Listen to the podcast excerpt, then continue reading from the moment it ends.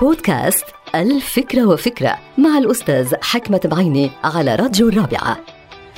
من الإصغاء تأتي الحكمة ومن الكلام تأتي الندامة. موضوع مهم جدا له علاقة بقدرة الإنسان على التحكم وإدارة عمليتي.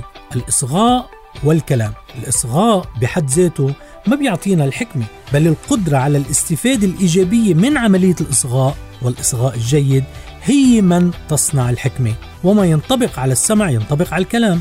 الكلام الإيجابي والمفيد لا يأتي بالندم بل الكلام السلبي والمسيء يأتي بالندم.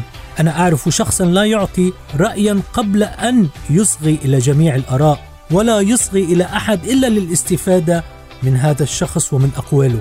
ولكن بالمقابل أعرف شخص يتكلم أولا وثانيا وثالثا قبل أن يصغي لأحد ولا يصغي لأحد بعد أن يتكلم. الحكمة تكمن في النية والغاية والهدف من عملية الإصغاء. إذا كانت النية سيئة والغاية سيئة والهدف سيء فهذا يعني أنه عملية الإصغاء كلها سيئة.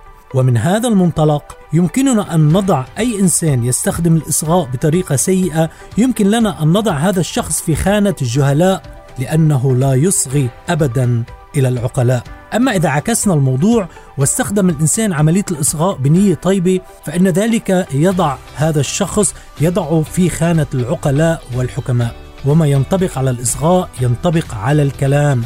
فلا تخف من فعل الندامة.